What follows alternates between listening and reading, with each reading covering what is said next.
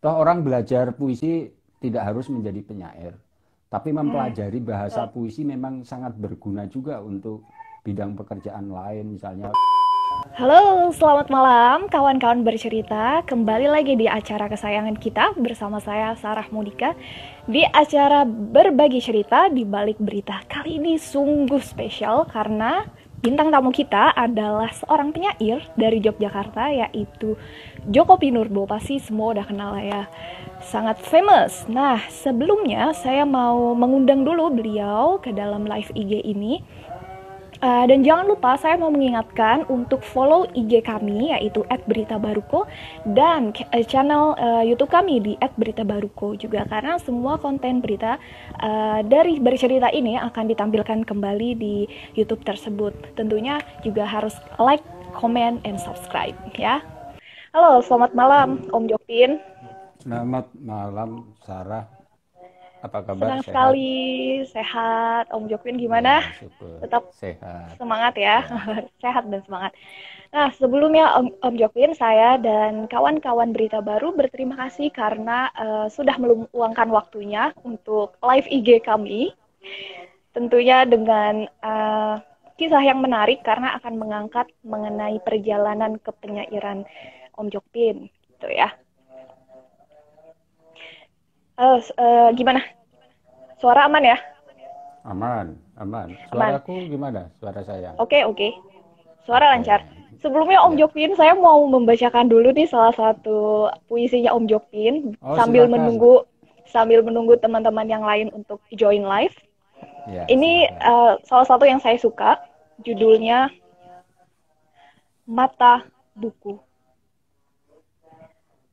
Yang aku suka dari membaca buku ialah ketika aku melihat mata bocah terbit di celah kata-kata yang kadang sulit kupahami maknanya. Mata jernih yang memandangku dengan jenaka sehingga aku tak sempat sedih walau di sana sini ada mata gagak yang mengintai dan menatapku dengan tajam dan curiga. Joko Pinurbo 2019. Jadi, kawan-kawan bercerita, uh, puisi yang baru saja saya bacakan itu ada di dalam kumpulan puisi beliau yang terbaru yaitu Perjamuan Kongguan. Ini dia bukunya. Jadi bisa dicari di toko-toko buku terdekat kalian karena bagus sekali uh, puisi-puisinya. Nah, Om Jokpin, sudah siap ya untuk perbincangan kita malam ini? Siap lah, ngobrol biasa aja kan. Ya. Biasa dong, bukan wawancara. Siap, Tenang. Siap, siap. ya, jadi uh, gini Om Jokpin, kawan-kawan bercerita ingin tahu bagaimana sih uh, sebenarnya perjalanan menjadi penyair Om, Om Jokpin karena ibaratnya gini ketika kecil kan kita pasti banyak dong cita-cita ingin menjadi dokter, astronot, atau menjadi uh, yang jelas bukan jadi antropolog uh, atau menjadi apa ya pengacara gitu. Nah, kenapa sih uh, Om Jokpin ketika remaja memutuskan pilihan hidupnya untuk menjadi penyair? Sebetulnya ini cita-cita yang tidak disengaja ya Oh karena justru tidak disengaja ya? Tidak sengaja karena seperti Sarmon bilang tadi, waktu itu saya tidak tahu dan tidak mm -hmm. di, tidak membayangkan bahwa menjadi penyair itu bisa menjadi cita-cita. Karena yang okay. kita kenal, yang yang dikenal anak-anak waktu itu kalau cita-cita yang menjadi dokter, insinyur atau menjadi guru, menjadi pilot, yeah. ada juga yang bercita-cita menjadi presiden. Tapi waktu itu hmm. saya tidak tahu dan tidak pernah mendengar bahwa ada orang bercita-cita menjadi penyair. Hmm. Jadi itu apa ya cita-cita itu baru baru saya sadari sekian tahun kemudian ya saya anggap saja hmm. sebagai cita-cita karena saya sudah terlanjur menjalaninya dalam waktu lama. Jadi hmm. pertama-tama karena hobi saja atau lebih tepatnya saya menjadi penulis puisi karena tersihir karena kena tersihir, sihir karya karya para penyair uh, Indonesia yang saya baca. Jadi saya kena sihir Uh, meskipun di SMP saya sudah mengenal karya-karya Khair Anwar misalnya, mm -hmm. tapi ketika saya masuk SMA saya belum membayangkan akan menjadi penulis puisi. Nah, hmm. baru ketika saya sudah beberapa lama tinggal di SMA, karena saya waktu itu di asrama, kemudian yep. uh, membaca buku-buku yang ada di perpustakaan, saya ketemu dengan karyanya Sapardi Djoko Damono, Subagio Sastrowardoyo, Sitor Situmorang, Sutarji, hmm. tapi terutama Sapardi ya. Saya baru yep. merasa tersentak. Ternyata puisi ini luar biasa, bisa bisa apa ya? Bisa menghibur saya, bisa merangsang imajinasi hmm. saya dan saya terpukau pada permainan kata-kata yang bagi saya ya sangat sangat apa ya sangat memikat lah. Kata-kata kok bisa dipermainkan dan bisa mempengaruhi imajinasi orang. Jadi saya menjadi penulis puisi karena karena terpukau atau tersihir oleh karya para penyair lain. Sehingga mungkin ada ada gium yang mengatakan bahwa seorang penyair dilahirkan oleh penyair lain. Itu saya percaya. Kalau saya tidak membaca karya-karya Pak Sapardi dan juga penyair lain, mungkin saya tidak akan menjadi penulis puisi. Jadi memang pengaruh hmm. bacaan ini memang sangat besar Sarmon. Jadi uh, seseorang bisa bisa memiliki semacam panggilan hidup tertentu karena bacaan yang dibacanya. Dalam kasus hmm. saya begitu. Saya menjadi hmm. penulis puisi karena karena saya membaca uh, puisi karya para penyair. Jadi saya tidak tidak merumuskannya sebagai cita-cita waktu itu. Jadi itu bukan sesuatu yang memang direncanakan ya menjadi penyair. Oh, tidak, ya, tidak Cuma, direncanakan. Iya. Jadi karena tersihir oleh karya-karya para penyair seperti Pak Sapardi, Subagio Sastro, ya. Wardoyo dan ya.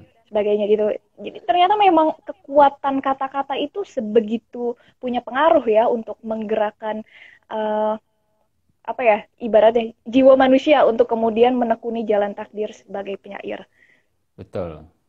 Mm-hmm. Ya, saya merasa merasa menjadi penulis puisi karena kekuatan kata para penyair yang saya baca karyanya mm-hmm. juga. Jadi memang luar biasa ah. itu kata-kata kalau dimanfaat. Kata-kata itu bisa memiliki kekuatan positif maupun negatif juga kan. Misalnya bisa digunakan sebagai alat provokasi yang memecah belah juga bisa. Tetapi saya ingin menggunakan kata-kata untuk maksud yang lain sebagai sarana untuk bisa lebih menghayati nilai-nilai kehidupan minimal untuk konteks hidup pribadi saya sendiri begitu. Ya, ya, ya. Nah, selama proses kemudian memutuskan menjadi uh, penyair itu Om Jopin, apa sih kira-kira uh, suka duka dalam prosesnya? Ah, ini pertanyaan yang bagus dan menarik ya. Hmm. Saya ini tumbuh menjadi seorang anak muda yang gemar, yang tertarik untuk menulis puisi di tengah era ketika dunia sastra Indonesia dihuni oleh hmm. para penyair yang sedang jaya-jayanya waktu itu. Pada tahun, Wah, okay. ya sedang jaya-jayanya pada tahun 70-an dan 80-an Indonesia hmm. itu memiliki penyair-penyair hebat, memiliki para maestro. Misalnya hmm. eh, banyak penyair yang tumbuh dan mencapai puncak kejayaannya di tahun-tahun itu. Pada saat saya tumbuh menjadi seorang eh, remaja yang gemar menulis puisi. Misalnya ada Sapardi hmm. Djoko Damono, Gunawan Muhammad, Sutarji Kalsombakri, Subagio Sastrowardoyo, Sitor Situmorang, Rendra, ya. dan lain-lain itu semua waktu itu ngumpul pada tahun-tahun itu dan masing-masing itu memiliki karakter yang berbeda-beda satu sama lain. Jadi dunia ya, sastra waktu pastinya. itu uh, sedang jaya-jayanya lah dan itu termasuk menurut saya tahun 70-an 80-an itu termasuk periode emas, periode yang penting dalam sejarah sastra Indonesia karena pada tahun-tahun itulah muncul penyair-penyair yang kemudian kita kenal sebagai maestro. Bukan hanya dalam dunia puisi, tetapi dalam dunia prosa juga. Pada tahun-tahun yeah. itu saya berkenalan dengan karya para maestro prosa, misalnya Budi Dharma, Danarto, Putu Wijaya, hmm. Umar Kayam, Kunto Wijoyo. jadi itu tahun-tahun emas, tahun-tahun. Nah itu keuntungannya. Keuntungannya saya bisa langsung bergaul bahkan membaca pada kesempatan pertama karya para pengarang hebat. Nah dukanya, dukanya, kesulitannya untuk mm -hmm. saya karena standar karya mereka begitu tinggi, itu kan juga membuat para penyair yang sedang tumbuh pada waktu itu merasa apa ya, merasa gentar juga. Hmm. Karena kita Inder juga ya. Iya, uh, ada perasaan inferior. Apa hmm. mungkin saya bisa mencapai level mereka? Pada waktu itu kan sebagai anak muda ada ambisi, ada ambisi bahwa ya. saya juga harus berusaha untuk mencapai level mereka. Nah, baru di kemudian hari saya menyadari bahwa tidak ada gunanya saya berandai-andai untuk mencapai level mereka. Karena tiap orang, tiap pengarang punya kapasitasnya sendiri. Kapasitas saya mungkin tidak memadai untuk mencapai level mereka, tetapi yang penting saya ingin berusaha mencapai level tertinggi sesuai dengan kapasitas yang saya miliki. Jadi pada waktu itu situasinya hmm. berat. Karena sparring partner kita ini para penyair, para penyair maestro yang karyanya luar yeah. biasa dan masing-masing punya karakter yang kuat. Nah, ini kesulitan para begawan ya. para begawan kesulitan saya waktu itu. Bayangkan mampu nggak saya eksis hmm. dunia sastra karena sudah ada para pengarang yang hmm. begitu hebat. Begitu situasi saya waktu itu. Hmm. Tapi justru menarik ya karena jadi seperti punya guru dan uh, sparring partner langsung kan untuk menguji kualitas puisinya Om Jokbin saat itu. Iya betul. Akhirnya meskipun saya menyadari tidak bisa mencapai level mereka, tapi karya mereka kan akhirnya menjadi standar bagi saya. Sehingga ya. saya juga membuat tuntutan yang tinggi terhadap diri saya. Hmm. Saya harus bekerja keras, harus berdisiplin keras, supaya saya bisa mencapai level tertinggi menurut kapasitas saya dan tidak ada cara lain untuk untuk itu selain memang mempelajari membaca dengan tuntas karya-karya mereka. Bukan hanya beberapa karyanya yang populer tapi semua buku mereka saya cari saya baca saya pelajari satu persatu untuk mempelajari teknik dan karakter perpusian mereka.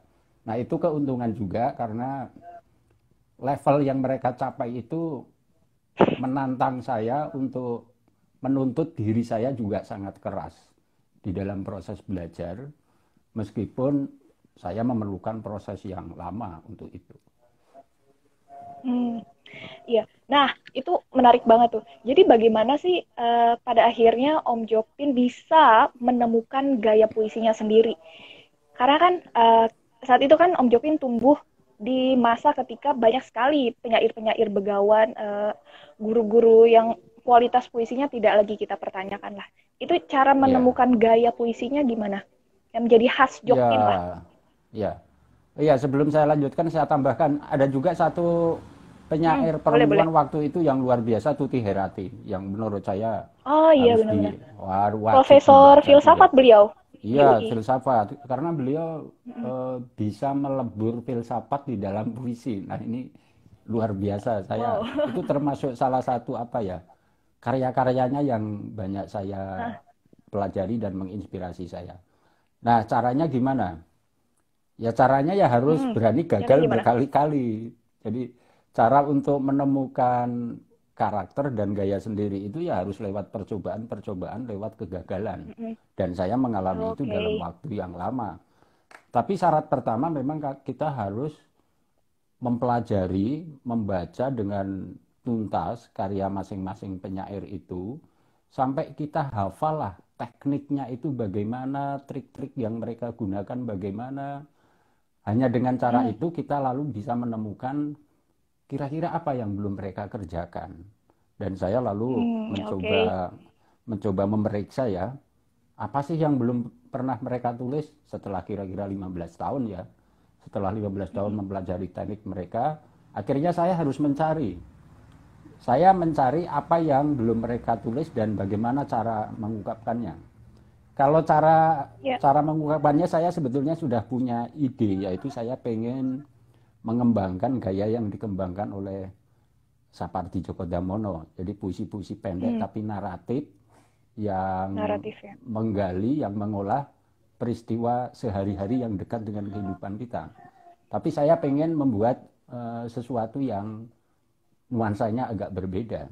Nah setelah pelajari semua hmm. ternyata saya menemukan bahwa ada banyak hal, ada banyak objek yang belum ditulis oleh para begawan itu. Misalnya hmm? benda-benda, objek-objek atau peristiwa-peristiwa yang terjadi di lingkungan dom domestik. Nah, di situlah saya menemukan oh, iya benar-benar. Nah, itu, tapi itu kan baru saya temukan setelah -hmm. saya setelah saya katakanlah me melucuti kosakata yang mereka gunakan ternyata kok tidak oh, ada celana, yeah, yeah, yeah, kamar yeah. mandi dan lain-lain. Jadi mm. gini, benar-benar. Uh, akhirnya saya sadar saya tidak bisa uh, menemukan gaya karakter saya sendiri kalau saya hanya membaca beberapa karya para penyair uh. yang mungkin populer. Karena kalau tidak kita baca secara tuntas, nanti setelah kita tulis ternyata yang kita tulis sudah ditulis oleh mereka. Gitu Hmm. Kira-kira begitu. Jadi memang ini hasil apa ya? Ya hasil hasil proses penelusuran terhadap puisi yang telah ditulis oleh para penyair Indonesia sampai akhirnya saya menemukan dari kosakata yang belum yang mereka gunakan saja oh ternyata ada objek-objek yang belum mereka sentuh atau jarang mereka sentuh misalnya begitu wow Oke, okay. uh, eh, dan itu prosesnya juga sangat lama ya, bertahun-tahun oh, bahkan sangat karena lama. tadi Om Jopin, mm, Om Jopin sendiri ya, mengakui bahwa ada masa-masa ketika gagal uh, ya, dalam ya. percobaan puisi tersebut. Ya. Kemudian nih Om Jopin, gimana sih? Uh, oh gini, dalam momen hidup seperti apa yang kemudian kita kan tahu ya menjadi kalau di kalau ukurannya adalah materi ya menjadi ya. penulis menjadi penyair itu sangat jelas ya, tidak memiliki masa depan gitu ya kalau ukurannya ya. adalah materi tapi ya. tapi kan uh, tapi kan hidup tidak hanya dalam ranah itu ya artinya ya. ketika seseorang seperti Om Jokpin sendiri memilih jalan spiritual di puisi itu dalam momen apa sih kemudian Om Jokpin sangat bersyukur menjadi penyair ya mungkin orang membayangkan bahwa saya saya senang dan bangga menjadi penyair karena berbagai penghargaan yang diterima ke, diterima oleh saya atau diberikan kepada saya. Sebetulnya hmm. bukan itu. Ada momen-momen hmm. kecil yang justru membuat saya bersyukur. Oh ternyata tidak salah saya menekuni dunia penulisan puisi. Misalnya ya. begini, ada orang menggunakan uh, puisi saya untuk dibikin kaos misalnya itu dengan hmm. alasan ya, dengan okay. dengan alasan dengan alasan supaya bisa bertahan hidup untuk mencari hmm. apa ya untuk mencari uh, sedikit-sedikit penghasilan lah itu saya ya. merasa terharu dan saya biasanya hmm. tidak keberatan kalau ada orang menggunakan puisi saya ada ya. juga yang misalnya memasang baris puisi saya di warung kopi atau di kedai kopi. Mm-hmm. Itu juga membahagiakan saya. Kemudian bahkan pernah ada yang memberi testimoni. Ada seorang seseorang ya, seorang pembaca puisi saya yang dia mengaku mengalami tekanan batin yang berat bahkan mm-hmm. uh, mengarah kepada depresi Lalu dia ya. merasa lega, merasa terbebaskan setelah membaca puisi saya katanya. Begitu. Nah, momen-momen ini saya syukuri. Momen-momen ini saya syukuri. Jadi saya bersyukur kalau kalau karya saya bisa menjadi semacam saluran rezeki bagi orang lain. Ya. Tentu saja yang saya maksud rezeki bukan semata-mata ukurannya ekonomi, tetapi kalau ada mm-hmm. orang merasa terhibur ketika membaca puisi saya lalu bisa membantu mengatasi yeah. kesedihan atau depresinya ya itu kan bagi saya juga rezeki. Nah itu sekali lagi menunjukkan ternyata kata-kata itu bisa punya daya magis juga. Hmm. Saya pernah mengatakan misalnya, mengapa banyak orang suka puisi Sapardi Djoko Damono? Karena memang kata-katanya itu bisa membius, bisa hmm. semacam membebaskan kita meskipun untuk sementara dari kebisingan dan keriuhan hidup. Saya kira eh, hal-hal uh, semacam itu yang lebih saya syukuri dibanding hmm. hal-hal hmm. lainnya misalnya itu. Nah itu Sarmon, jadi saya punya banyak testimoni dari sejumlah orang yang bukan orang sastra, malah orang dari berbagai latar belakang yang menjadikan puisi saya itu sebagai penghiburan mereka lah, membantu mereka untuk bisa bersikap lebih rileks menghadapi hidup yang sering absurd ini. Kira-kira begitu. Ya, ternyata memang tidak disangka ya uh, puisi itu memiliki efek sampai seperti itu. Artinya bahkan uh, mata pencaharian orang aja bisa disandarkan ke puisinya Om Jokpin gitu loh. Iya, ya Bahkan, kalau saya mau cerita, ya. iya. Ada cerita lain kan puisi saya juga pernah digunakan untuk mm untuk iklan, ada ya. ada apa ya? Ada spanduk, bukan spanduk itu yang pakai papan reklame yang besar pakai puisi saya. Mm Saya tahu karena dikirimi potretnya oleh orang lain, saya sendiri tidak iya. dimintai yeah. izin, tapi uh-uh. toh saya tetap bersyukur bahwa puisi hmm. saya bisa dipakai untuk reklame, bisa dipakai untuk iklan perumahan, terus juga hmm. bisa dipakai untuk angkringan, di angkringan. Dan yang terbaru di tempat ini destinasi wisata terbaru di Jogja di Malioboro hmm. itu kan juga memasang puisi saya meskipun saya juga hmm. tidak dimintai izin tapi yeah, bagi yeah, saya yeah, itu yeah, yeah. Uh, satu hal yang membuat saya wah ternyata puisi juga punya daya untuk apa hmm. ya untuk menarik minat orang lah itu kira-kira ada banyak hal betul, betul. tapi banyak juga yang baik yang minta izin lalu hmm. mengirimi saya juga semacam apa ya ya sedikit rezeki sebagai tanda ya. terima kasih ya itu juga saya terima dengan senang hati tidak pun juga tidak apa-apa kalau kondisinya tidak memungkinkan artinya di hal-hal semacam itulah saya merasa bersyukur bahwa kata-kata yang saya rangkai ternyata bisa menggugah atau menginspirasi orang. Saya kira itu. Ya ya jadi itu ya kawan-kawan bercerita uh, lain kali kalau mau menggunakan puisinya Om Jokpin barangkali ini biar biar pada dengar ya. Minta izin dulu sama Om Jokpinnya. Beliau orang yang sangat ikhlas yang barangkali kalau nggak minta izin juga oke okay. cuman kan etikanya tetap ya perlu izin. Itu. Dan uh, ternyata ya membaca puisi itu juga bisa mengurangi biaya konsultasi ke psikolog karena terbukti ya, ya, ya. karena terbukti uh, puisi ya, saya itu sendiri bisa buktinya saya sendiri buktinya kan saya sendiri kan uh, terlahir sebagai anak yang uh, punya problem di dalam diri -uh. saya mm. punya kesulitan bergaul susah yeah. kalau berada di keramaian tapi saya merasa terhibur dan saya merasa setelah membaca sastra khususnya puisi mm. saya merasa bisa mengatasi bisa mengatasi semacam apa ya beban batin saya yang diakibatkan oleh kondisi ya kondisi keluarga dan sebagainya itu karena saya kan yeah. memang tumbuh sebagai anak yang harus mandiri sejak masih sangat muda dan orang kan selalu membutuhkan semacam terapi untuk dirinya sendiri.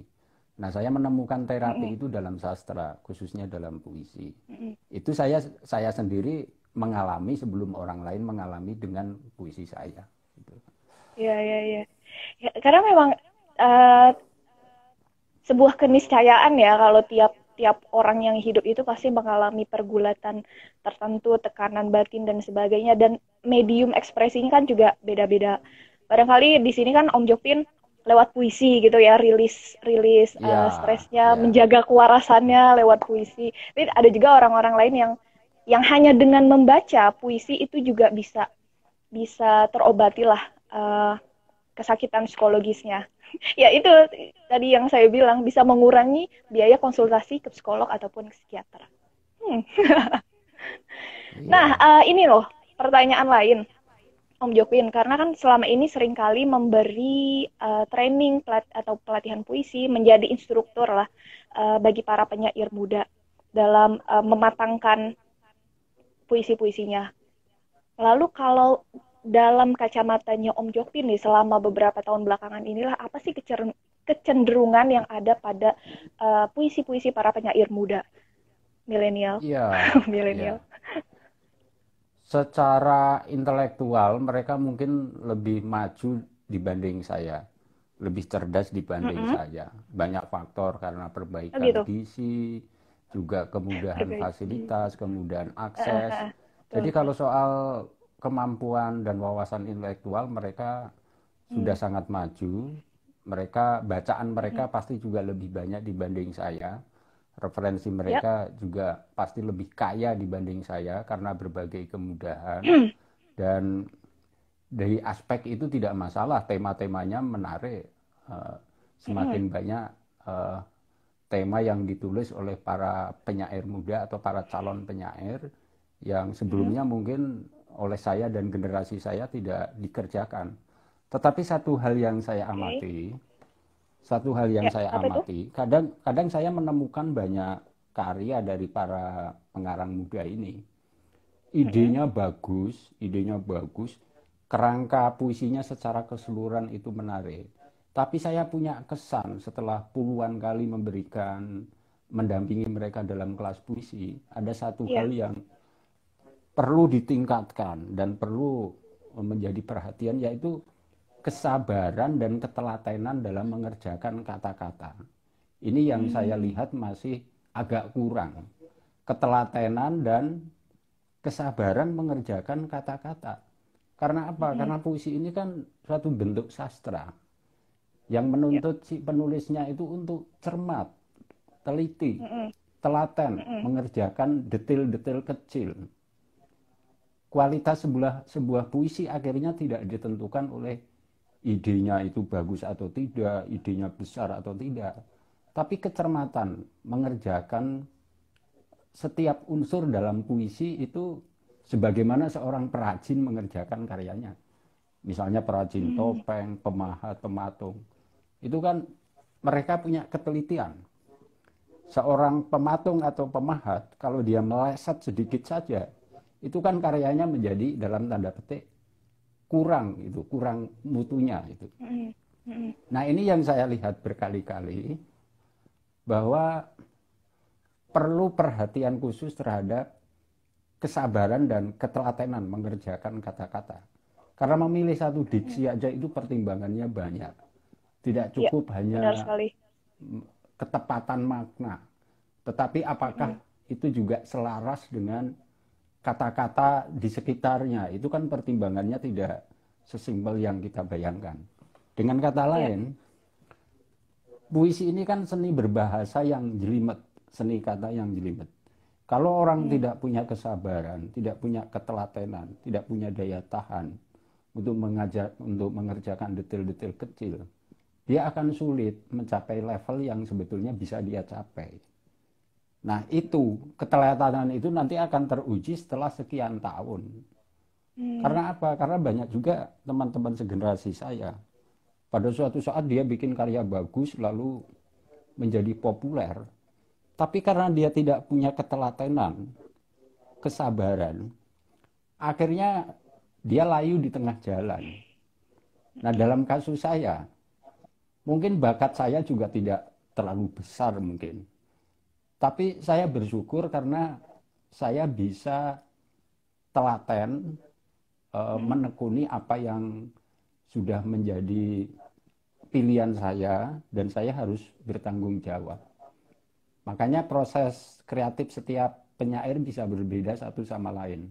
Dalam hal saya, saya memerlukan waktu lebih lama karena saya harus menaklukkan dalam tanda petik ya, meskipun saya tidak mungkin melampaui para begawan itu, paling tidak memberikan kemungkinan lain lah yang belum mereka kerjakan. Oleh karena itu yang ingin saya garis bawahi, lebih telaten, lebih bersabarlah mengerjakan kata-kata. Meskipun kadang situasi memang tidak mendukung. Maksudnya begini, ini kan era media sosial. Era media ya. sosial itu serba instan, orang serba cepat. untuk secepatnya menampilkan diri. Ini, ini godaan ah, bagi seorang penulis true. puisi. Tidak benar, bisa. Benar, benar, Seorang ini penulis puisi tidak, tidak bisa uh, tergesa-gesa untuk segera menampilkan karya. Lebih ya. baik terlambat, lebih baik berlama-lama hmm. mengerjakan karya, tapi hasilnya memang akhirnya nanti betul-betul matang.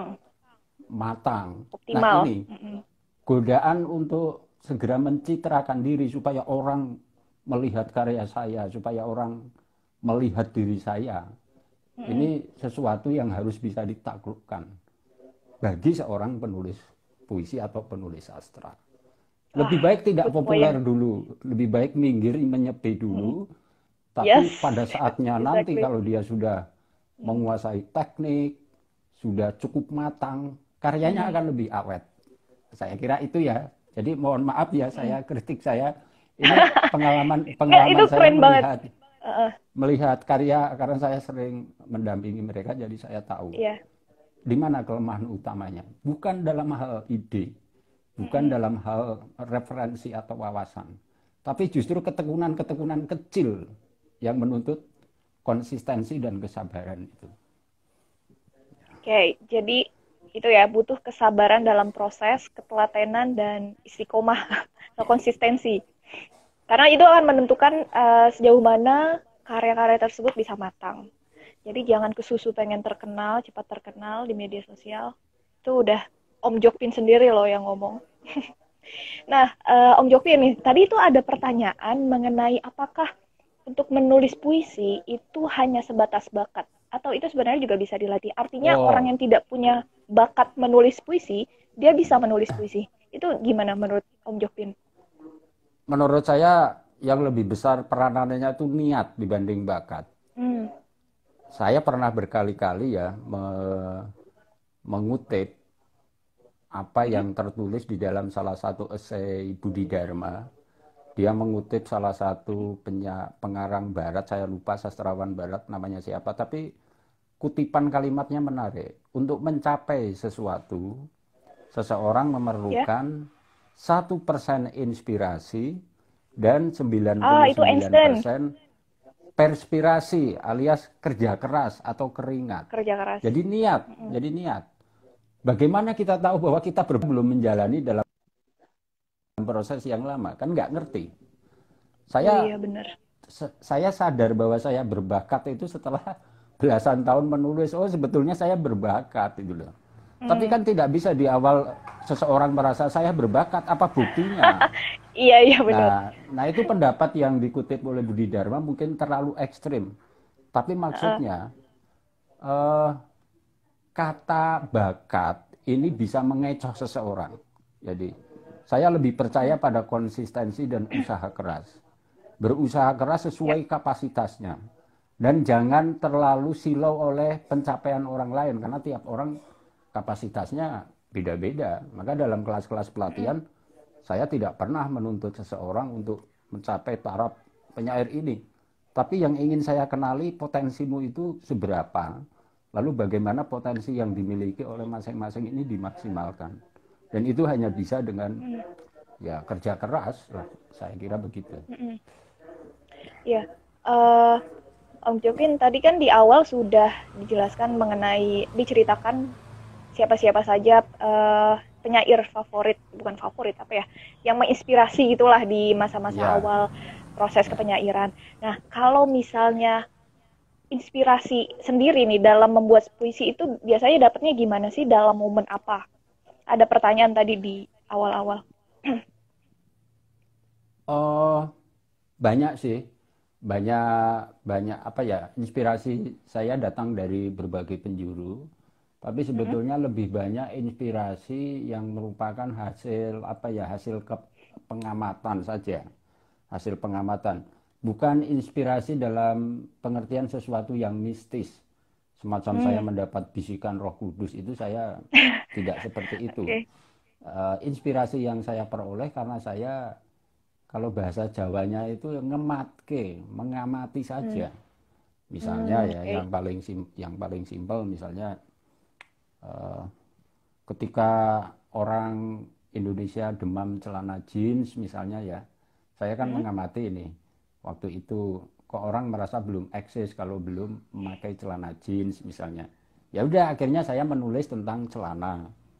Nah, tetapi untuk menjadikan celana itu sebuah sebuah apa ya? Sebuah lambang yang bermakna dalam puisi bagaimana? Saya mendapatkan referensinya dari kitab suci. Kan ada itu ayat mana lebih penting tubuh atau pakaian, tubuh atau roh semacam itu. Jadi untuk untuk mengisi untuk mengisi objek-objek yang sudah populer ini, saya kan juga memerlukan asupan supaya itu tidak hanya menjadi tempelan atau sensasi. Jadi celana-celana saya sebetulnya hanya jelmaan dari dari apa ya renungan saya terhadap terhadap ayat dalam kitab suci. Atau misalnya begini, saya nulis tel- telepon genggam. Saya sengaja kalau Anda amati ya, kalau Sarmon amati, saya kan punya hobi memungut barang-barang, benda-benda yang dianggap mungkin sebagai bagian dari budaya populer. Seperti kongguan, telepon genggam. Ah iya ya. ha. Nah, itu, itu sebetulnya karena ya saya melatih diri saya untuk jeli saja terhadap setiap fenomena. Kontennya mungkin bukan sesuatu yang baru, itu kan masalah klasik. Masalah masalah apa ya, kegamangan identitas ini kan masalah manusia sepanjang hidup. Tapi saya perlu peralatan yang konkret karena puisi kan harus konkret. Puisi itu bukan abstraksi kan, harus konkret. Nah, maka peralatan yang konkret ini saya pungut dari apa yang berkembang yang disebut orang mungkin dari budaya populer, tidak apa-apa. Sarananya itu saya menggunakan unsur-unsur budaya populer, tetapi untuk isiannya, kontennya, saya bisa saja menyusupkan, menyusupkan renungan saya, yang saya peroleh dari kitab suci misalnya. Demikian juga ketika saya menulis burung, burung itu kan ada di dalam kitab suci. Saya masukkan juga. Hanya saya tidak ingin puisi saya diken- dikenali semacam menjadi eh, Puisi ya, religius. puisi reli- puisi religius nggak masalah sih. Tapi puisi religius yang dipenuhi dengan jargon-jargon keagamaan misalnya saya tidak mau. Oh Karena iya. saya menulis puisi untuk siapa pun, bukan untuk kalangan tertentu. Puisi celana Hmm. itu menurut saya religius, entah mungkin menurut orang Iya. itu hanya komedi, tapi menurut saya religius. Karena mengantar kita pada pertanyaan sebetulnya yang hakiki dalam hidup ini apa, itu loh. Kira-kira begitu. Misalnya telepon genggam itu juga menurut saya bisa religius. Karena dalam satu puisi saya misalnya doa orang sibuk yang 24 jam sehari berkantor di ponselnya itu kan sebetulnya itu. ada satu pertanyaan yang berbau religius di mana posisi Tuhan di dalam ponsel Iya. kita ini kira-kira begitu kalau Tuhan kita anggap sebagai salah satu pribadi di dalam daftar kontak kita Ah, cara saya sebetulnya lebih mengamati aja. Mengamati lalu saya catat. Yang saya amati saya catat. Nah, jadinya puisi kapan ya nunggu waktu aja. Jadi puisi saya bukan puisi yang dihasilkan dari inspirasi yang sifatnya mistis.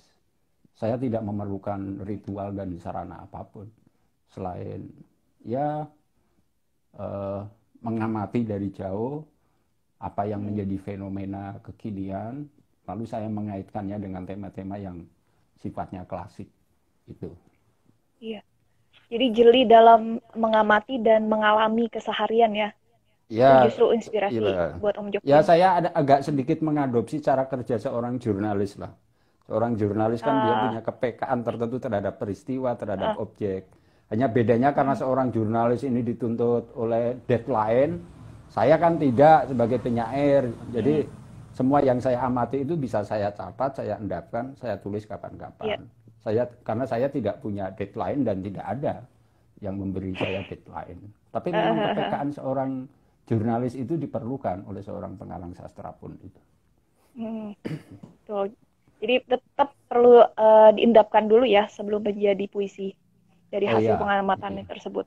Ditabung lah, dicelengi, hmm. ditabung kapan tabungannya dibuka gitu loh. Kalau sudah Iya benar-benar benar. Ya kalau nggak punya tabungan itu. mau nulis hmm. apa gitu loh.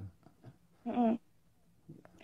Karena memang perlu permenungan dulu ya, perlu momen permenungan. Karena kalau enggak ya nulis aja di Twitter, cepat selesai, cepat publish. Ya, ya saya juga oh, iya. pernah, meskipun itu uh, sebetulnya gimana? puisi yang sudah saya tulis dulu baru saya posting. Saya tidak nulis uh, itu. Nah, artinya saya oh, tidak gitu. anti media sosial, saya tidak anti media sosial.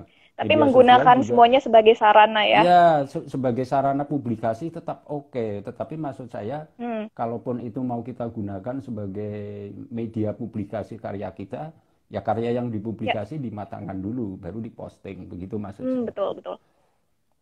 Nah, oh iya, terkait dengan, uh, tadi kan menyebutkan bahwa telepon genggam ataupun kongguan itu kan menjadi karya-karya inspirasi yang bisa dijadikan puisi lah oleh Om Jokpin. Nah, ini tuh saya penasaran sekali karena di buku terbarunya Om Jokpin yang perjamuan Kongguan ini ada satu bab yeah. itu bicara tentang minah. Nah, saya mau tahu minah ini siapa atau apa? Itu Dalam sudah pernah saya ceritakan ya, sudah pernah saya ceritakan nah, saya kan, minah. Ya. Saya kan belum tahu, oh, ceritakan lagi dong. Belum tahu ya. Minah itu kan nama Ceritakan artis, juga buat ke nama apa, nama kawan artis, bercerita juga.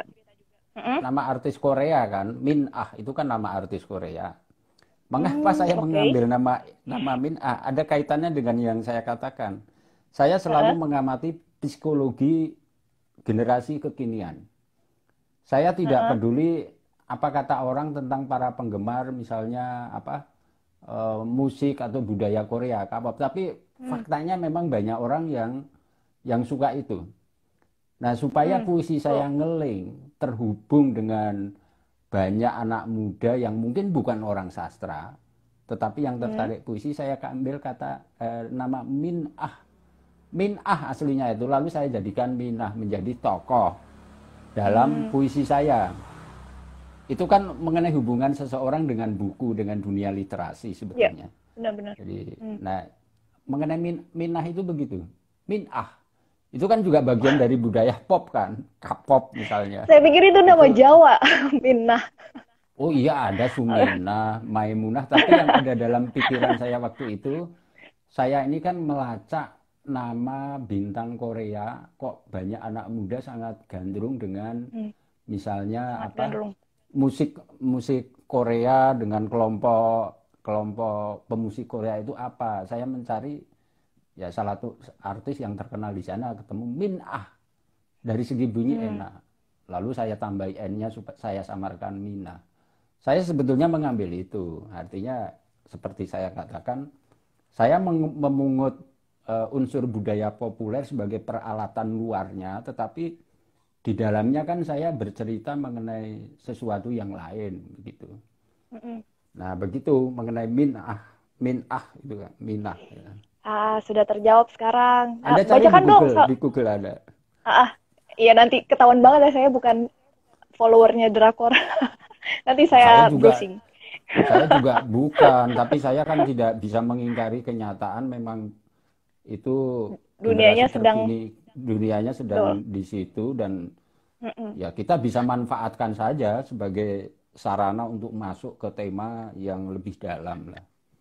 Iya, iya, iya, iya. Ini saya baca puisi ya, anu Iya, ya? baca dong.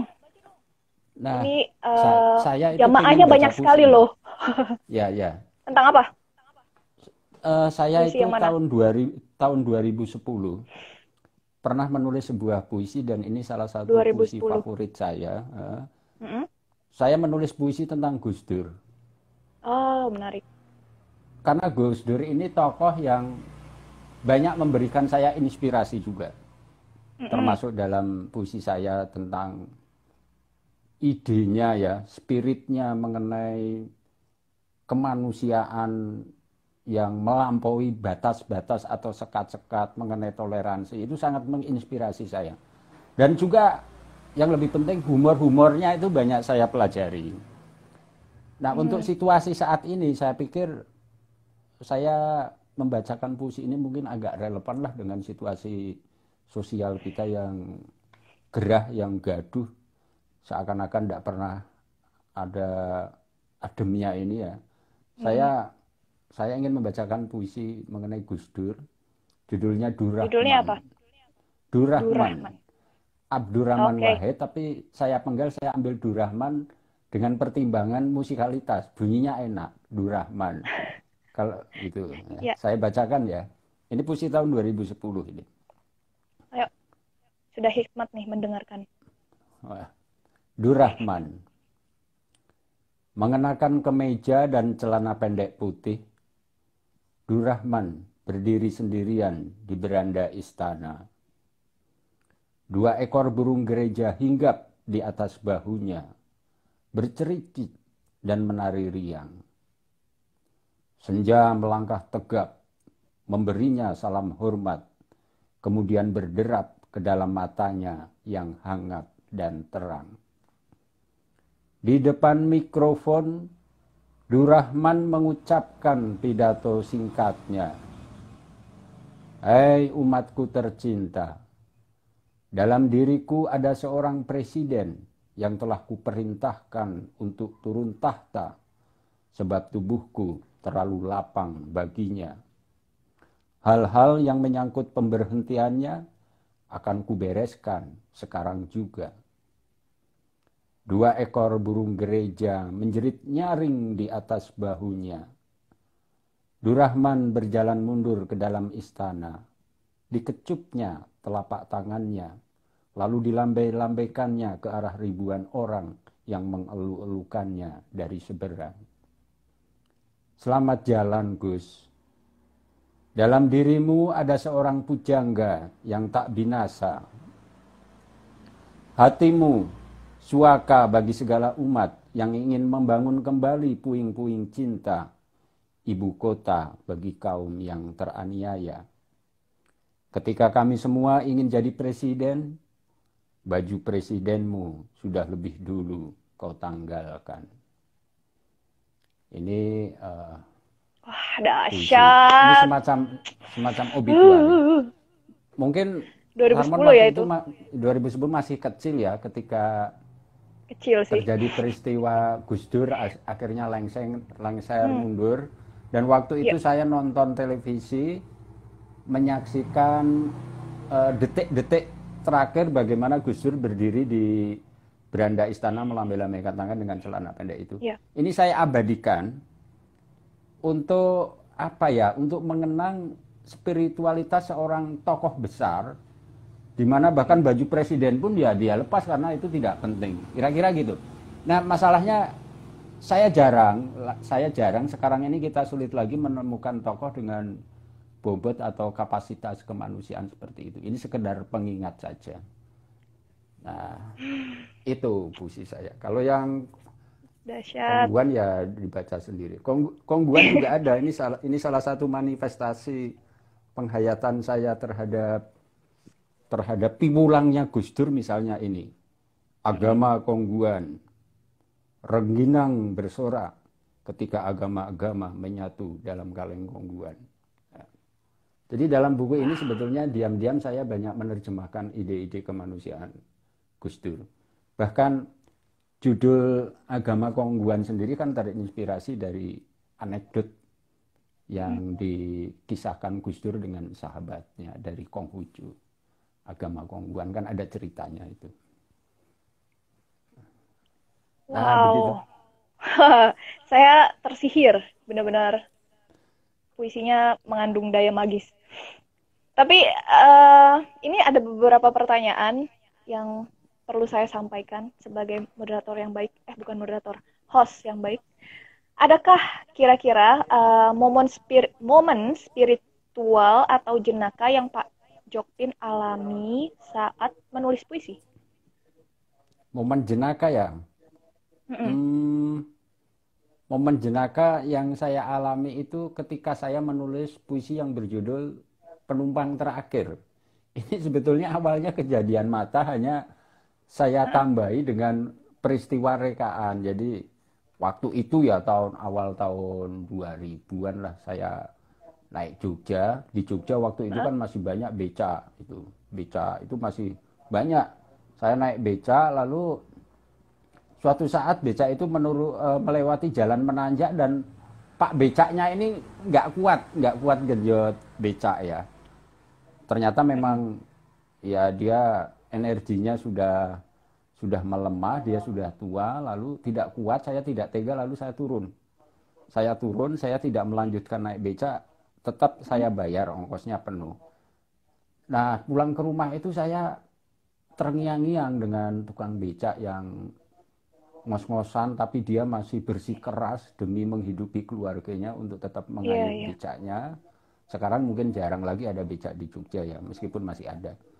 Nah, lalu saya pengen deh menggubah itu. Ini satu momen yang bagi saya sangat sangat menyentuh saya. Saya merasa bersalah juga kenapa saya naik becak yang tukang becaknya sudah sudah ngos-ngosan begitu.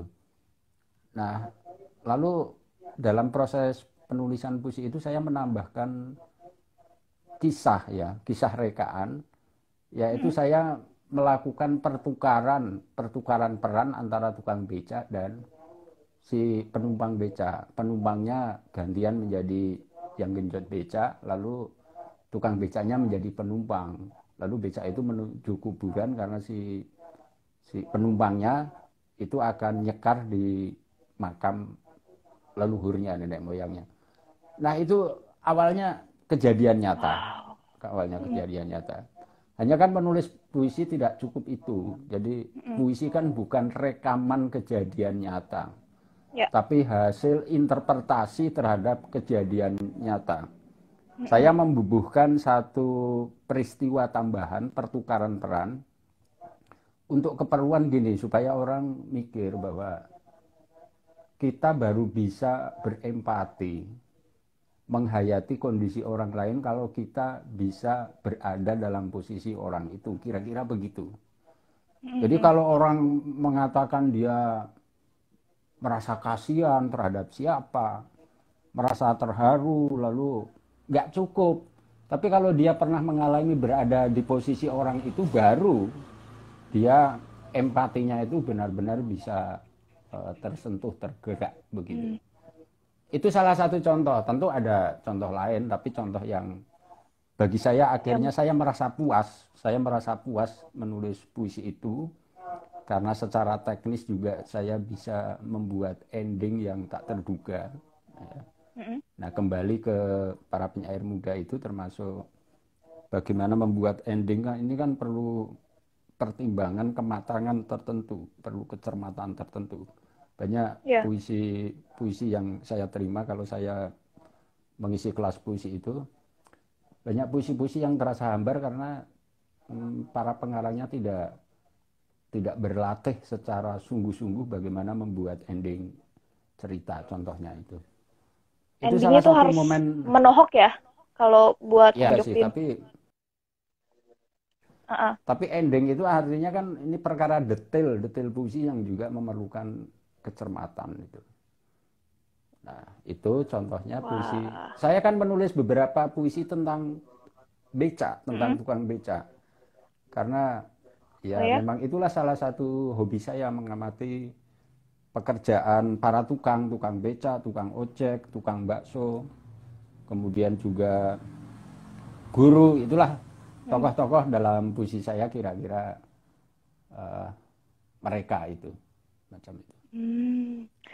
Nah, ngomong ngomong-ngomong tentang uh, seleranya puisi selera puisinya Om Jopin kan tadi sedikit tuh ada bocoran bahwa endingnya harus uh, gimana ya harus menohok gitu ya jadi emang itu harus benar-benar ya. dipikirkan sekali ya endingnya itu harus membuat pembaca mikir itu loh ah iya iya, iya. oke oke jangan membuat membuat puisi melakukan pembaca sebagai orang yang datang mau beli makanan di restoran kasih makan lalu dimakan hmm? selesai tapi saya suka hmm. membuat puisi yang endingnya itu merangsang pembaca untuk menciptakan ulang karya yang dibaca di dalam pikiran mereka, mengembangkan sendiri. Kalau saya membaca ah, puisi seperti okay. orang makan satu kali makan selesai ya, ya apa ya, ya kurang berkesan saya gitu ya. kurang berkesan itu ya Oke, eh, ada pertanyaan lagi dari kawan-kawan bercerita, silakan ya. Kalau yang tidak saya sampaikan berarti itu sebenarnya sudah terjawab di awal atau pertengahan perbincangan. Wah ini yang Untuk eh, apa? gabung banyak juga ini ya banyak juga nih Ya, ini jamaahnya Om Jokpin ini oh dari lah Jogja dan Jamaah. se- seluruh Nusantara lah pokoknya. Oke, ini Om Jokpin, eh, coba deh ya, karena pasti banyak sekali penyair-penyair muda atau penulis muda yang sedang menonton live IG kita. Kira-kira bisa nggak sih dikasih eh, inspirasi atau motivasi dari Om Jokpin yang eh, untuk mereka yang sedang menonton live ini? Apa kira-kira em, poin penting dalam berproses menjadi penulis atau penyair? ya tadi ada pertanyaan Prinsipnya saya apa? baca apakah menjadi penyair itu karena bakat atau bisa Nah, ya itu kan dipelajari ya itu ya udah mungkin terjawab ya perlu tadi. sedikit ba- ba- sedikit bakat enggak apa-apa tapi selebihnya Sedikit proses belajar. Saya tidak berani mengatakan saya ini berbakat karena kalau menjadi penyair itu tergantung pada bakat seakan-akan manusia itu sudah ditentukan sejak awal. Hmm. Oh, bakat kamu ini ini Yep. ini. Ya, misalnya itu. Jadi lebih banyak usaha keras. Nah, lalu pesan saya begini. Saya ingin menggarisbawahi bahwa tantangan terbesar untuk para calon pengarang atau pa- calon penyair. Bukan soal ilmu atau pengetahuan atau banyaknya referensi atau juga soal teknik karena teknik berpuisi ini sebetulnya bisa dipelajari. Hmm. tetapi yang tidak bisa dipelajari dan harus dilakukan sendiri itu tadi membangun disiplin diri, membangun ketelatenan. Karena ketelatenan ini kan tidak bisa diajarkan oleh orang lain. Dia sendiri yang harus membangunnya, membangun ketelatenan. Lalu juga mencobalah Wow. mengatasi godaan media sosial yang sering eh, menggoda kita, menuntut kita, merangsang kita untuk cepat-cepat menampilkan diri kita, karya kita itu. Jadi lebih baik eh, pahitnya dulu, lalu nanti manisnya akan tiba. Jangan membayangkan menjadi penyair lalu setelah sekian lama akan jadi, enggak. Hmm. Nah, kalau seperti itu nanti bisa kecewa karena ya sudah tidak memberikan jaminan ekonomi, lalu juga ternyata sebagai hobi juga ternyata tidak bisa dikembangkan secara maksimal. Menurut saya sih rileks saja. Toh orang belajar puisi tidak harus menjadi penyair, tapi mempelajari bahasa puisi memang sangat berguna juga untuk bidang pekerjaan lain, misalnya yang bekerja di bidang reklame atau di bidang apa pun itu akan sangat terbantu kalau mempelajari teknik-teknik di dalam menulis puisi. Ya. Kalaupun tidak Jadi- menjadi penyair. Jadi penyair itu bukan tujuan ya. Itu adalah proses eh, kurang lebih proses menjadi manusia yang lebih lebih utuh lah untuk menjaga Oh, iya. kehalusan hati dan sebagainya ya. Jadi memang tidak Ya. mesti jadi penyair, menulis puisi juga bisa memperbaiki diri. Kurang lebih Betul. itu ya, Om Ya. Jokpin. Oke. Sayang sekali ini waktunya sudah hampir habis. Saya takut tiba-tiba mati di tengah jalan. Sebelumnya saya sangat terima kasih sekali Om Jokpin. Malam ini super spesial, super inspiratif dan ya terbukti jamaahnya banyak sekali yang menonton. Mudah-mudahan manfaat. Mudah-mudahan dapat eh, mengambil banyak sekali pelajaran malam ini. Ini kelas puisi gratis loh lewat live IG-nya Berita Baru kok dan akunnya Om Jokpin. Terima kasih Om Jokpin. Selamat malam. Sama-sama. Eh, semoga Ya, se- selalu sehat dan semangat meski di tengah pandemi. terima kasih juga Um, untuk semua yang telah mm-mm. bergabung. Ya, saatnya ngopi. Ayo, mari kita. Oke, kopi koplo ya. Selamat malam. Jangan lupa subscribe and like eh, akun YouTube Berita Baruko. Terima kasih. Bye.